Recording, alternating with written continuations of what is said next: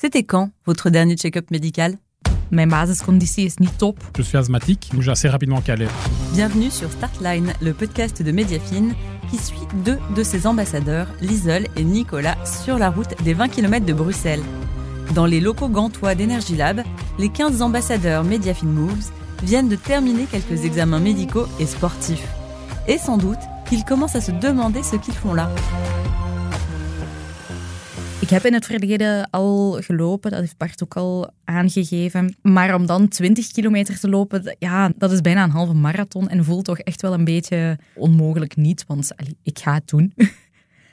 maar is toch wel next level, ik zal het zo zeggen. Je crois que ça comme une opportunité de retrouver ma forme de jeune euh, vingtenaire ou trentenaire.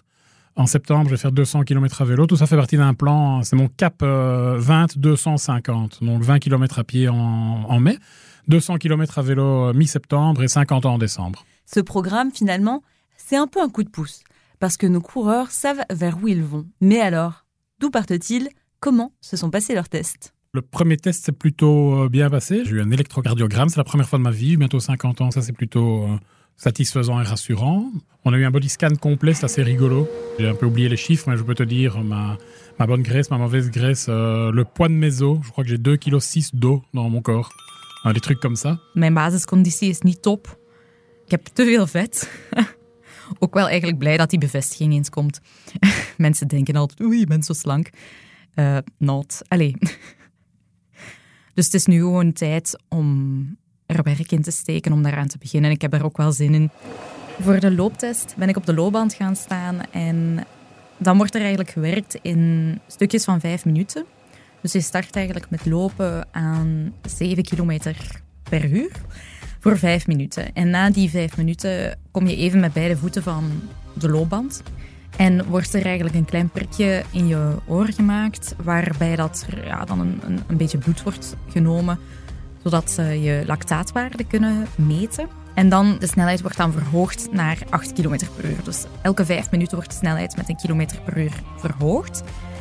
En de bedoeling is dat je gewoon zo lang mogelijk blijft gaan. Dus elke vijf minuten kom je er weer af, eh, wordt er weer een beetje bloed genomen om die lactaatwaarde op te volgen. Ondertussen wordt je hartslag ook opgevolgd. Op zich ging het best wel oké, of toch beter dan ik verwacht had. Ik heb 20 minuten gelopen, eh, dus ik ben tot 10 km per uur gegaan eigenlijk. Maar vanaf minuut 17 zat ik wel voortdurend met mijn ogen op die, op die timer. Om te kijken van, oh, hoe lang nog, hoe lang nog? Oké, nee, ik, ik wil echt tot die 20 minuten gaan. Ik moet dat echt halen. J'ai démarré à 7 km heure, euh, qui est plus ou moins ma moyenne, mais en fait, je cours à 7,5.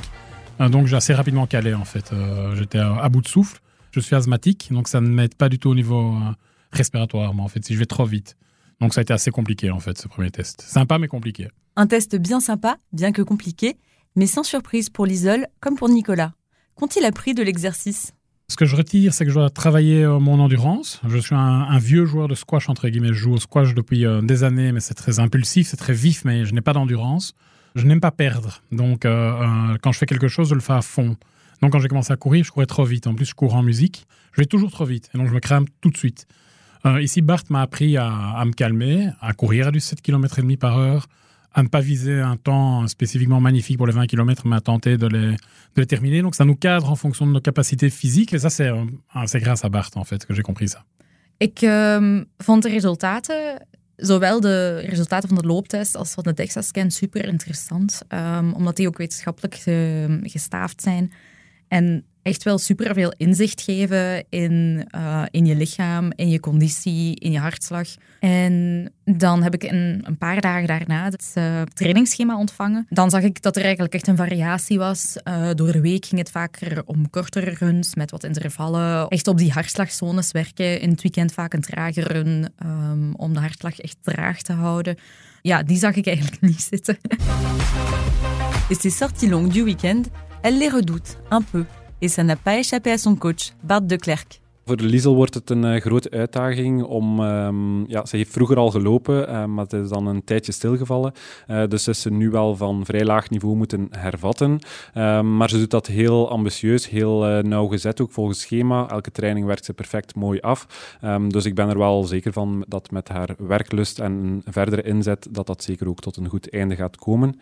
Bart heeft helemaal, heeft helemaal gelijk.